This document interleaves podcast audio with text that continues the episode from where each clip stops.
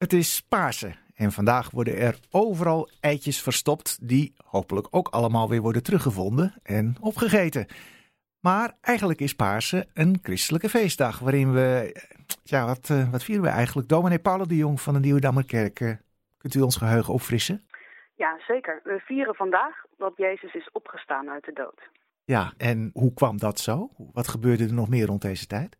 Ehm, nou, misschien dat een aantal van, eh, eh, van u kent de Passion. Uh, ik dacht ik wil als vakidioot toch even uitleggen dat er vier versies van dit verhaal over Jezus leven en dood en opstanding in de Bijbel staan. Die verschillen allemaal een beetje. maar als ik zo even een outline geef, dan begint het ermee dat Jezus naar Jeruzalem reist om daar het Joodse paasfeest te gaan vieren. En dat feest vertelt het verhaal over hoe zijn volk ooit uit de slavernij van Egypte werd bevrijd. Mhm. Dus hij gedenkt dat verhaal op zijn eigen laatste vrije avond, tijdens een maaltijd met zijn leerlingen. Uh, en dan verbindt hij dat oude verhaal van, van die bevrijding aan zijn eigen leven. En hoe doet hij dat? Nou, daar zijn twee versies van. In één van die versies uh, begint hij de voeten van zijn leerlingen te wassen voordat ze aan de maaltijd gaan. En dat is leuk, want uh, dat is eigenlijk slavenwerk, vrouwenwerk.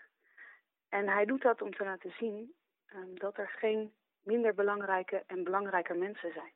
En dat is wat mensen helpt bevrijden. Dat is één manier. En de andere manier is dat hij, terwijl hij het brood uh, breekt en uitdeelt aan zijn leerlingen en een beker met wijn laat rondgaan, hij daar woorden bij zegt om aan te geven, ja, ik geef mijn leven. Mm en hij doet dat vrijwillig. dus hij wijkt niet af van zijn overtuiging. Um, ik geloof oprecht dat hij niet um, bezig was met dat hij dood moest gaan, maar dat hij zo ver ging in zijn overtuiging dat hij daar niet van wilde afwijken. Um, en dus niet week voor de, de consequenties. Maar die consequenties kun je hem natuurlijk niet aanrekenen. Die consequenties, um, die liggen op het bord van de ander. En dat is wat hij heeft laten zien. En ik denk dat daar die woorden voor zijn die hij sprak bij die maaltijd. Mm kijk, hij wordt naar die maaltijd opgepakt en tijdens een onzinproces veroordeeld. Ze laten hem allemaal vallen. De menigte wordt tegen hem opgehitst. Um, dan komt hij aan dat kruis te hangen. Uh, en dan um, vertelt het verhaal op dat moment met het donker, overdag. En het gordijn voor de heiligste zaal van de tempel scheurde. Dat gebeurde volgens onze tijdrekening op de vrijdag. Goede Vrijdag. Goede Vrijdag, inderdaad.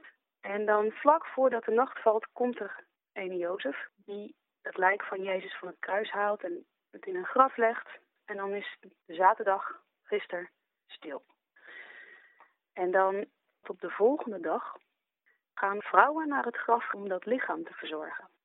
En dan zijn er verschillende versies opnieuw. Dus in de ene versie vinden die vrouwen een engel die vraagt, hè, wat zoeken jullie? En die vrouwen schrikken zich helemaal het leplazarus. Mm um, en in een andere versie loopt Maria in de tuin van dat lege rotsgraf, de tuinman tegen het lijf, en dan vraagt ze hem, waar hebben jullie Jezus neergelegd, want ik zoek hem. En dan blijkt hij dat zelf te zijn. En is dat iets waar we ook tegenwoordig nog ja, wat mee kunnen? Nou ja, ik denk het zeker ik heb zelf gemerkt, ik heb het verhaal even zo helemaal verteld, omdat ik gemerkt heb dat mensen op heel verschillende manieren iets uit hun eigen leven herkennen in dit verhaal. En dat verschillende momenten van dit verhaal mensen kunnen inspireren. Dus um, bijvoorbeeld die lange gang van dat, vreselijke schijnproces en die, die absoluut vrede dood. En dat Jezus dat ondergaat. Hè? Dat hij, hij weet het zit eraan te komen en hij loopt er niet voor weg. Um, niet omdat hij zo nodig moet, maar omdat hij dus niet weglopen wil. En ik denk dat dat zo belangrijk is. Uh, maar ik denk dat het ook heel belangrijk is dat je, doordat je daarbij stilstaat, je gaandeweg realiseert welke lijdenswegen je zelf meemaakt. Hè, en wat voor rol je daarin hebt. Soms. En hoe je daarmee om kan gaan uh, misschien ook? Ja, en ook hoe je daar dus mee om kan gaan, precies. Mm. Um, en, en dat, nou ja, daarom hebben we soms is één stille zaterdag niet genoeg. Um, maar dat is na die verschrikkelijkheid het leven opnieuw begint. Uh, dat je opnieuw kan en, en mag beginnen met een schone lei. Hè? Dat je dus niet tot in de eeuwigheid vastzit aan je gekrabbel. Um, omdat je ook wel duidelijk is wat je, wat je nu te doen staat. Um, je hoort me ook een beetje stamelen. Ik geloof dat het een heel persoonlijk verhaal is. Hè? En ik, ik, probeer er elk jaar opnieuw woorden voor te vinden. Ja. Elk jaar vallen mij uh, andere dingen op. Um, dit jaar heb ik bijvoorbeeld nagedacht over wat nou het geheim is van die bevrijding uit de slavernij. Hè? Uh, en dat dat toch te vinden is als je elkaar dient. Um, ik geloof dat dat een van de overtuigingen is waar Jezus mee heeft geleefd. Ja, dus Pasen blijft ook anno 2023 wat u betreft actueel. Ja, ja. Ik, ik denk en ik geloof echt dat stilstaan bij dit verhaal uh, ons menselijker maakt. Dat het richting kan geven voor een goed leven. Uh, en dat je er kracht en, en hoop uit kunt halen als je...